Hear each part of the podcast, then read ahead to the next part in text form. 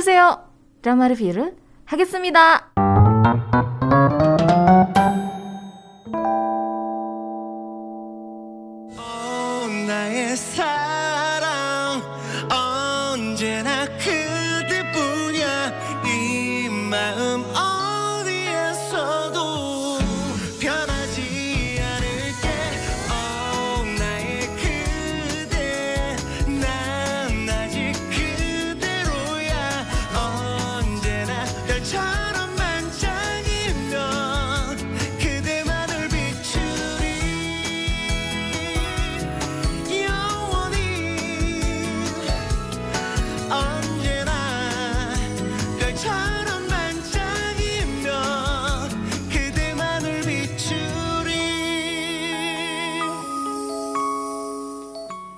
Tadi itu lagu yang dinyanyiin sama Lee Jae-hoon dari Cool, judulnya Oh My Love.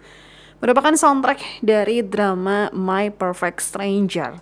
Cuman aku ngerasa, kalau misalnya kita cuma dengerin soundtracknya doang, kita nggak akan berpikiran kalau ini tuh drama thriller. Mungkin kamu bakal berpikir, oh ini tuh drama romance gitu. Karena vibes dari soundtracknya tuh tidak menunjukkan ini drama thriller. kayak kalau misalnya aku bayangin ya karena aku udah nonton dramanya gitu em, ini tuh lebih menggambarkan suasana di tahun 1987 gitu. Karena kan ini tuh time travel ya antara tahun 2021 sama 1987 gitu. Beda sama drama-drama thriller lainnya mungkin dari soundtracknya tuh udah berasa thrillernya gitu. Ya, jadi setelah mendirect drama First Love Again di akhir tahun 2016, Kang Soo-yeon itu balik lagi untuk uh, mendirect drama My Perfect Stranger di tahun 2023. Hiatusnya lumayan lama ya, 7 tahun gitu. Dan kali ini sutradara Kang bekerja sama dengan penulis Baek So-yeon. Drama My Perfect Stranger bisa ditonton di Viu atau kalau kamu ada channel KBS tuh mungkin juga tersedia di sana ya. Gampangnya sih di Viu aja, cuman mesti langganan sih ya. gitu.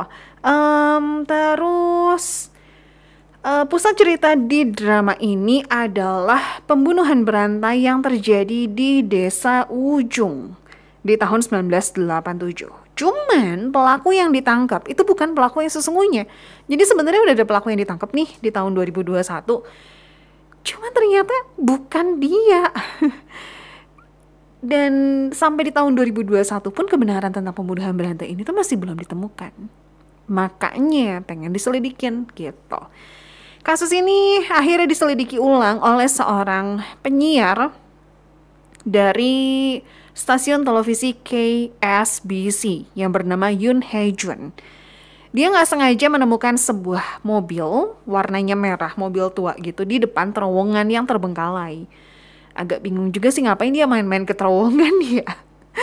Pokoknya dia nyampe di sana karena em, masalah GPS, entah kenapa lah. Mungkin memang sudah takdirnya dia untuk nyampe di em, terowongan entah berantah itu. Dan terus dia nemuin mobil merah itu, dia kepo. Dia coba masuk ke mobilnya dan ternyata mobil itu adalah mobil ajaib yang bisa bawa dia untuk time travel. Jadi di mobil itu tuh ada settingannya gitu, bisa ditentuin kamu mau ke tahun berapa. mau di tahun 2000 kah, 1980 kah gitu. Itu bisa disetting dan ya nanti bakalan time travel gitu iseng-iseng nih, mumpung bisa time travel kan ya, dia coba pergi ke masa depan untuk ngeliat apakah dia berhasil meraih impiannya atau enggak. Dan ternyata yang dia temukan justru dia meninggal dunia, yaitu di tahun eh, di umur 35 tahun. Ini kalau nggak salah satu tahun berikutnya dari tahun 2021. Jadi tahun 2022 dia meninggal dunia dan kematiannya itu ada hubungannya dengan kasus pembunuhan berantai yang terjadi di desa Wujong. Karena pelaku pembunuhan dirinya itu adalah pelaku yang sebenarnya dari kasus pembunuhan berantai di Wujong. Dan ngerinya ya, waktu dia lagi time travel nih ke masa depan, dia pengen lihat gitu. em, nanti dia bakalan bisa meraih impiannya nggak sih? Waktu dia time travel, waktu sampai di tahun depan itu posisi dia itu lagi tenggelam di sebuah danau yang membeku. Jadi bagian atas danaunya itu jadi es dan orang tuh bisa jalan di atasnya gitu. Kebayang ya? Dia ada di bawah di bawah air itu gitu. Dia coba berusaha untuk pukul-pukul esnya dia dorong-dorong tapi kan nggak bisa juga. Eh dorong kan pasti ujung-ujungnya malah dia yang makin tenggelam kan. Dia lagi usaha pokoknya untuk bisa keluar karena nafas dia juga terbatas. Dan pada saat itu dia ngelihat ada bayangan dua orang lagi berantem gitu lagi pukul-pukulan gitulah pokoknya. Terus tiba-tiba satu orangnya roboh. Dan ini ngeri banget sih scene-nya. Muka si orang yang roboh ini tuh udah berdarah-darah terus menghadap ke es kan kalau misalnya es itu masih agak tembus pandang ya jadi kita masih bisa lihat gitu em, apa yang terjadi dan siapa orang itu dan ternyata yang roboh itu yang berdarah-darah itu adalah dirinya di masa depan. Kondisinya tuh ngeri banget sebenarnya ya. Berdarah-darah udah gitu matanya kebuka itu beneran shock banget sih. Kalau aku jadi dia itu pasti shock banget. Karena dia udah di dalam air nggak bisa nafas juga gitu nggak bisa keluar juga. Tahu-tahu dia ngelihat dirinya meninggal dunia di depan mata dia sendiri gitu dengan kondisi yang sangat mengenaskan. Jadi dia ngelihat sendiri proses kematiannya. Tapi dia nggak ngelihat pelakunya siapa gitu. Karena kan bayangan gitu ya nggak kelihatan kan. Makanya dia pengen menyelidiki siapa sih sebenarnya yang ngebunuh dia di tahun depan itu. Nah, yang aneh dari kasus kematiannya di tahun itu adalah mayatnya tidak ditemukan, nggak tahu ke mana gitu. Terus, kok bisa disimpulin kalau itu adalah kematian dan pembunuhan gitu? Maksudnya kan orang-orang di tahun itu nggak nemuin mayatnya. Udah gitu kok bisa langsung menyimpulkan dan memberitakan kalau itu adalah penyiar Yoon Hae Jun yang meninggal. Jadi, di TKP itu ditemukan sepatu dan bercak darah. Dan setelah dilakukan tes DNA, hasilnya itu cocok dengan Yoon Hae Jun. Yoon Hae Jun di tahun itu diceritain udah hilang seminggu gitu. Terus tiba-tiba ada yang ngeliat ada sepatu sama ada bercak darah gitu, akhirnya dilakukan tes dan lain sebagainya dan ditemukan kalau tesnya itu cocok dengan darah darahnya Yoon Hae Jun gitu. Makanya akhirnya diberitakan kalau itu adalah penyiar Yoon Hae Jun yang meninggal dunia setelah menghilang selama satu minggu. Nah, terus kok bisa disimpulkan kalau itu pembunuh uh, pembunuhan gitu? Karena kan nggak ada tanda-tanda sama sekali kan gitu. Selain Yoon Hae Jun yang ngeliat ya. Tapi kan nggak mungkin juga Yoon Hae Jun bilang itu pembunuhan. Itu pasti orang-orang pada ngeri dong. Karena kan itu dirinya gitu. Jadi ada satu tanda yang biasanya ditinggalkan oleh pelaku pembunuhan berantai di desa Wujong. Dan di TKP Yoon Hae Jun juga ditemukan hal yang sama. Jadi si pelakunya ini biasanya meninggalkan bungkus korek api yang di dalamnya itu biasa ada kertas gitu. Cuman memang aku nggak akan spill isi kertasnya apa. Dan di setiap pembunuhan berantai itu selalu ditemukan bungkus korek api ini gitu. Makanya kenapa Yoon Hae Jun dari masa lalu ini bisa menyimpulkan kalau dia tuh dibunuh dan pelakunya adalah pelaku pembunuhan berantai di desa Wujong gitu. Singkat cerita, karena dia tahu pelakunya adalah seseorang yang juga berhubungan dengan pembunuhan berantai di desa Ujong, akhirnya dia balik, dia time travel ke tahun 1987 ceritanya buat menyelidiki pembunuhan berantai itu. Sampai satu hari, waktu Yoon Hae Jun lagi mau time travel nih, gitu, udah siap-siap dia mau balik ke tahun 1987, nggak sengaja di depan terowongan dia hampir menabrak seorang perempuan. Perempuan ini namanya Baek Yun Yong, dia itu seorang asisten penulis yang memiliki keluarga yang bermasalah. Papa dan mamahnya itu berantem terus. Dan ini yang bikin dia tuh nggak betah di rumah. Papanya mabuk-mabukan terus. Dan Yun Yong itu harus uh, melihat hal itu dan jadi trauma tersendiri lah gitu. Akhirnya dia mutusin untuk jarang pulang ke rumah, nggak betah di rumah. Dia kerja dengan seorang penulis yang arogan banget sebagai editor. Nama penulisnya itu adalah Ko Misuk. Memang bener-bener arogan dan nyebelin banget um, si bosnya ini tuh tipikal atasan yang suka merendahkan timnya. Nggak suka kalau ditegur nggak terima gitu. Dan dia enaknya banget. Pokoknya red flag banget lah.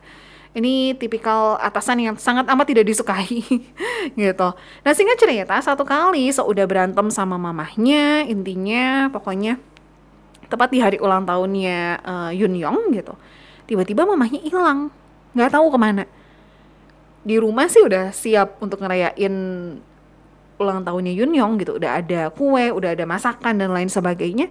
Cuman mamanya nggak tahu ke mana gitu. Yun Yong nggak mikir apa pun ya mungkin mamanya lagi keluar beli apa gitu kan. Nah tiba-tiba dia dapat telepon di rumahnya dan itu dari polisi yang menyampaikan kabar kalau mamanya ditemukan meninggal dunia di pinggir danau dan telah ditemukan catatan bunuh diri. Cuman yang bikin aneh adalah lokasi danau tersebut itu jauh dari rumahnya dan terletak di desa Wujong. Dan kayaknya nggak mungkin deh kalau mamahnya bunuh diri. Yun Yong nggak nemuin alasan kenapa mamahnya sampai memutuskan untuk mengakhiri hidupnya sendiri gitu. Dan by the way, di lokasi kejadian itu juga ditemukan bungkus korek api yang dalamnya ada kertas yang bertuliskan sesuatu. Jadi ada kemungkinan mamanya juga menjadi salah satu korban pembunuhan berantai yang masih terjadi sampai tahun 2021, bayangin. Dan karena masih shock ya dengan kepergian sang mama gitu, dia juga ngerasa bersalah karena kenangan terakhir yang ditinggalkan uh, sama dia adalah mereka berdua berantem gitu. Jadi Baek Yun Yong berusaha untuk menenangkan diri dia jalan kaki tanpa tujuan lah pokoknya. Jalan aja terus. Dan sampailah dia di terowongan yang sudah terbengkalai yang ada di desa Wujong. Nah, singkat cerita ketemu kan tuh sama Hejun kan. Pas waktu uh, Yoon Hejun lagi mau time travel pakai mobilnya, Yoon Hejun kaget kok di depan tiba-tiba ada orang gitu. Dan Yoon Yongnya pun shock gitu, nggak bisa gerak ke mana-mana, tipikal kagetnya tuh ya. Singkat cerita pokoknya mereka berdua akhirnya time travel ke tahun 1987 dan terjebak di sana karena mobil yang biasa digunakan oleh Hejun untuk time travel itu rusak. Yun Yong yang tahu kalau dia time travel ke tahun 1987 dikira sama Hejun tuh bakalan shock gitu. Makanya Hejun coba jelasin. Ini tuh kita lagi time travel ke tahun 1987. Saya tahu kamu panik banget tapi tenang aja kita bakal cari cara dan lain sebagainya. Eh ternyata si Yun Yong tuh malah ketawa bahagia gitu sampai si Hejunnya tuh kaget gitu. Kamu ketawa? Hah? Jadi uh, Yun Yong happy banget karena dia bisa ketemu sama mamanya lagi sesuatu hal yang nggak mungkin terjadi tapi ternyata terjadi gitu. Dia bisa ketemu mamahnya lagi yang mana di tahun itu mamahnya masih muda banget kayak bisa dibilang seumuran dia lah belum menikah dan baru mau kenalan dan PDKT sama papahnya. Gitu. Ini yang bikin lucu sih sebenarnya ya kalau buat aku ya. Soalnya um, ini adalah salah satu kesempatan di mana Yun Yong berusaha dengan sangat amat keras untuk memisahkan papa mamahnya. Gimana caranya supaya papa mamahnya ini tidak ketemu dan tidak menikah gitu. Karena dia tahu kalau misalnya ujung-ujungnya pernikahan mereka berdua itu tidak bahagia gitu loh. Nah cuman time travel ini kan ternyata punya cukup banyak syarat dan ketentuan yang berlaku ya um, apa yang diubah di masa lalu itu kan sangat amat berpengaruh di masa depan. Misalnya nih di episode awal-awal itu ada scene di mana Yoon Hae Jun pergi ke masa lalu bawa koran, ceritanya koran dari tahun 2021. Dan setiap hal yang udah diubahnya di tahun 1987 itu otomatis akan mengganti headline berita yang ada di koran yang dia bawa gitu. Akan sangat berpengaruh sekali dengan masa depan. Terus aku spill sedikit ya. Jadi kan misinya Yoon Hae Jun adalah menemukan pelaku sekaligus mencegah terjadinya pembunuhan berantai di uh, desa tersebut gitu. Nah, waktu Yoon Hae Jun akhirnya berhasil menyelamatkan korban pertama dari pembunuhan berantai itu, ternyata ada konsekuensi yang harus terjadi. Satu korban selamat, tapi ada anak-anak yang hampir menggantikan takdir kematian korban tersebut gitu. Seberpengaruh itu. Terus setiap kali time travel juga mereka harus merahasiakan identitas asli mereka um, aneh gak sih? Kebayang nggak kalau misalnya tiba-tiba gitu ya saat ini kita ketemu sama orang dan orang itu bilang saya tuh dari tahun 2500 gitu. Kan kamu juga pasti bingung gitu. Nah begitupun dengan drama ini gitu. Makanya kenapa pada akhirnya Hejun sama Yun Yong itu menyamar sebagai guru di desa Wujong ini gitu supaya mereka bisa membaur juga gitu baik itu dari cara berpakaian ataupun gaya bicara mereka. Karena dari tahun 2021 ke tahun 1987 tuh lumayan jauh gitu. Nanti heboh kan? Ada satu scene di mana Yun Yong yang belum ngeh kalau misalnya dia tuh time travel ke tahun 1987, dia ngeluarin handphone, smartphone-nya dia. Dan warga di situ sampai bingung itu apa gitu. Terus si Yun Yongnya pun bingung gitu, kok di sini nggak ada sinyal sih gitu. Terus dia lihat kok orang-orang di sini cara berpakaiannya aneh. Dipikir tuh ini lokasi syuting ya. Terus si warga di sana tuh kayak bingung, "Hah, lokasi set itu apa?" gitu. Maksudnya apa kamu aneh? gitu. Jadi sebisa mungkin mereka menutupi identitas mereka kalau sebenarnya mereka melakukan time travel gitu. Terus walaupun drama ini tentang pembunuhan berantai ya, tapi tetap aja gitu ada sisi romance dan komedinya.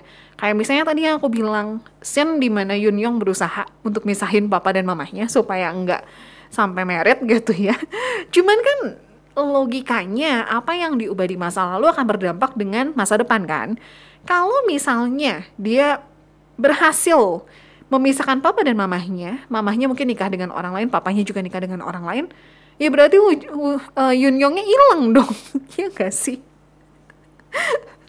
Mungkin Yun Yongnya belum ngeh kalau misalnya apa yang diubah di masa lalu akan berdampak di masa depan gitu.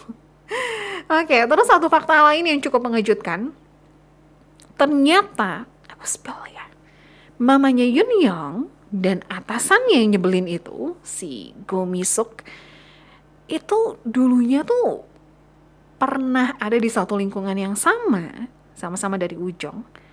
Dan mereka tuh pernah kerja sama. Jadi dulu penulis komisuk itu pernah memanfaatkan mamanya. Cuman aku ngerasa emang agak aneh sih nih penulis sebenarnya gitu. Aku lumayan curiga sama si penulis ini gitu. Dia tuh penulis tapi sebenarnya nggak punya bakat nulis. Lah terus gimana dong dia bisa nulis dan jadi penulis bestseller karya orang lain yang dia publish sebenarnya.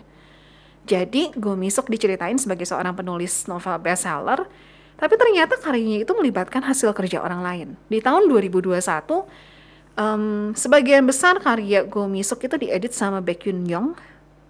Cuman dasar sombong ya dan arogan gitu dia tuh nyebelin banget sih memang. Dia tuh tetap bilang kalau kesuksesan dia ya hasil karya dia sendiri gitu. Nggak ada hubungannya sama em, Yun Young ataupun orang lain. Pokoknya dia sukses ya karena dia sendiri gitu. Nyebelin kan? Gak mau mengakui usaha orang lain gitu. Terus hal lain yang bikin curiga adalah di tahun 2021 kan Haejun itu sempat ketemu sama pelaku pembunuhan berantai ya. Yang udah dipenjara ceritanya. Cuman sebenarnya bukan dia pelakunya dan Haejun tahu gitu bukan dia. Jadi pelakunya itu masih bebas di luar sana kan. Nama pelakunya adalah Go Min Soo yang ternyata adalah saudara laki-laki atau bisa dibilang kakaknya Go Mi Suk. Ya, ini yang bikin curiga.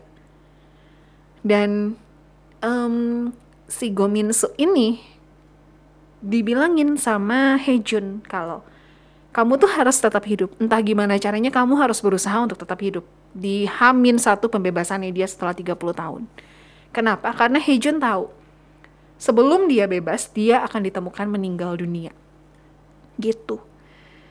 Go Min Soo dipenjara selama 30 tahun karena terbukti sebagai pelaku pembunuhan berantai. Dan sebelumnya itu ada dua tersangka lagi sebenarnya, namanya Becky Sop sama Yu Bum Ryong. Nah cuman kalau kamu nonton, petunjuk pelakunya itu justru lebih mengarah ke Go Mi Suk, bukan kedua ter- tersangka ini gitu. Dan aku juga lebih curiga ke Go Mi Suk sih pas nonton. Another reason adalah kasus pembunuhan berantai pertama yang terjadi di desa Ujong itu mirip banget dengan novel yang ditulis sama Go Mi Suk. Novel Go Mi Suk itu yang judulnya The People That I Killed juga punya kecocokan dengan laporan investigasi. Jadi dituliskan ada tiga orang ya yang menjadi korban dan ini tuh sesuai dengan laporan kepolisian yang juga menyatakan ada tiga orang yang sudah dibunuh dengan sangat kejam di desa Wujong. Jadi so far dramanya pokoknya tentang menyelidiki kasus pembunuhan yang terjadi di desa Wujong yang dicurigai pembunuhnya masih berada di luar sana gitu. Em, kalau buat aku sih dramanya lumayan lah gitu, enggak yang tegang-tegang gimana, enggak yang bikin tebak-tebakan gimana, tapi tetap bikin penasaran gitu. Dan ratingnya pun oke sih sebenarnya. Jadi ratingnya kurang lebih sekitar 4, koma something gitu. Em, ini untuk nationwide dan untuk di Seoul. Cuma memang sempat mengalami penurunan jadi 3, koma, tapi tetap masih oke sih. Em, kalau misalnya aku baca beberapa pendapat dari para netizen yang udah nonton, beberapa ada yang bilang agak sedikit boring karena terdapat cukup banyak pengulangan dialog gitu. Cuman kalau buat aku sih oke-oke aja ya. ya kalau misalnya dikasih nilai gitu untuk film thriller, nilainya berapa? 1 sampai 10 aku kasih 4 nih sebenarnya gitu kalau untuk film thriller ya. Karena dibilang tegang banget juga enggak gitu. Kalau misalnya dibandingin dengan drama-drama tentang eh, pembunuhan berantai ya nggak setegang itu gitu. Masih tetap ada bumbu komedinya. Cuman ya masih tetap bikin kita juga bertanya-tanya, siapa sih pembunuhnya gitu? Siapa sih sebenarnya dalangnya? ini tuh ada hubungannya apa sih antara si mamahnya dengan ini gitu, dengan masa lalunya gitu. Jadi itu sih yang bikin penasaran gitu.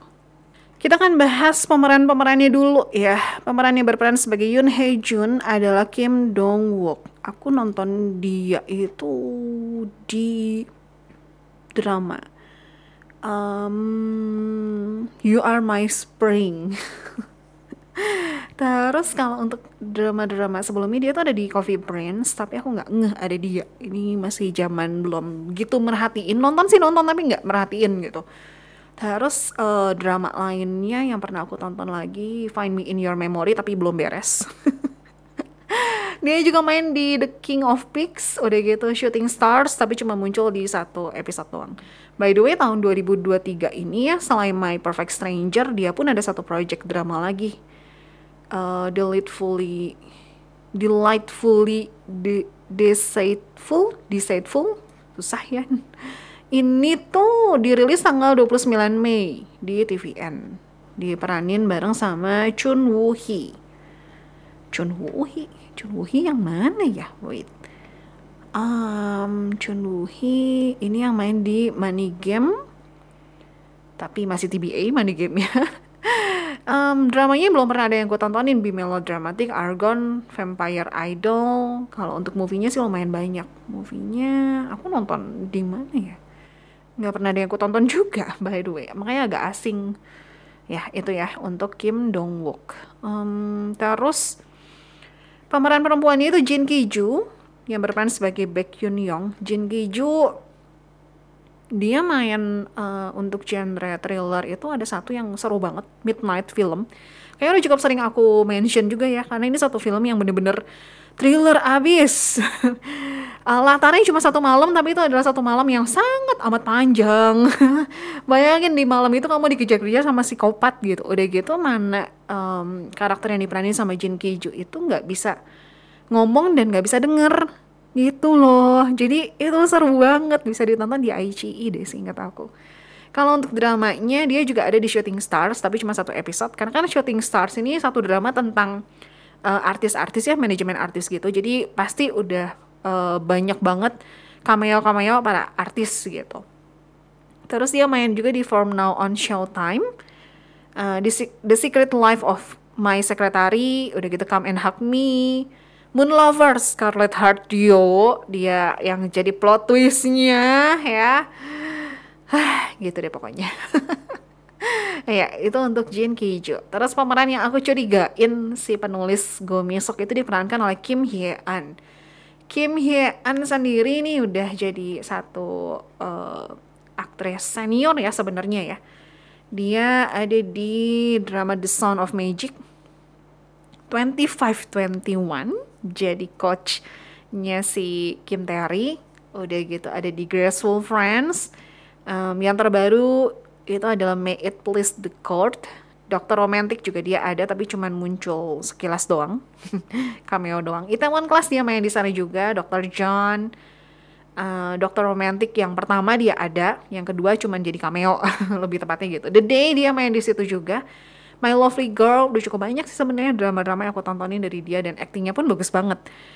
Cuman pinternya ya dari si My Perfect Stranger ini adalah di list um, pemainnya itu cuma ditulisin gini loh, castnya Kim Dong Wook sama Jin Ki Joo, cast nih main castnya gitu. Udah gitu di bawahnya itu di dikelompokkan berdasarkan dengan um, lingkungannya. Jadi kayak di tahun 1987 siapa nih uh, yang jadi Isun A family? Isun A itu adalah mamahnya uh, Baek Yoon Young. Udah gitu dikelompokin lagi dari Baek Hisop family. Udah gitu dari Ujong High School. Jadi makin sulit untuk menebak gitu. Biasanya kan kalau misalnya drama-drama Korea ya yang aku perhatiin kalau untuk ngerilis castnya itu biasanya main castnya pemeran utama dua udah gitu yang ketiganya biasa second leadnya atau biasanya jadi pemeran antagonisnya ini tuh enggak makanya kita tuh bingung makin bingung nih siapa sih yang jahatnya gitu kok bisa sejahat itu gitu jadi yang penasaran boleh langsung ditonton aja tersedia di view ya By the way, nonton drama My Perfect Stranger ini tuh ngingetin aku sama satu drama Korea yang super duper bagus banget. Judulnya Tunnel, yang dirilis tahun 2017. Yang diperanin sama um, kokonya Kintan, Choi Jin Hyuk. Udah gitu ada Yoon Hyun Min yang sekarang tuh lagi hits banget gara-gara dia main di drama Bora Deborah. Terus ada Yoo Young juga di situ. Ini tuh drama yang seru banget. By the way ada Kim Byung Chol juga yang sekarang lagi jadi pemeran nyebelin di drama Dokter Cha. Ih, tuh orang ya di Dokter Cha ya. Kayak ah, emosi lah pokoknya. Nah, Tunnel ini juga agak mirip-mirip karena kan sama-sama time travel. Cuman bedanya eh, kalau My Perfect Stranger ini nggak diadaptasi dari kisah nyata. Sementara kalau drama Tunnel itu diadaptasi dari kasus Hwasong. Tapi ya sama-sama time travel gitu buat nyelidikin kasus pembunuhan berantai. Si Choi Jin Hyuknya kan yang time travel ke masa depan gitu. Jadi vibesnya agak sedikit mirip makanya pas nonton tuh aku keingetan sama drama Tunnel ini gitu. Drama Tunnel bisa kamu tonton di WeTV. Kalau untuk adaptasi versi negara lain itu ada di Netflix gitu. Ya.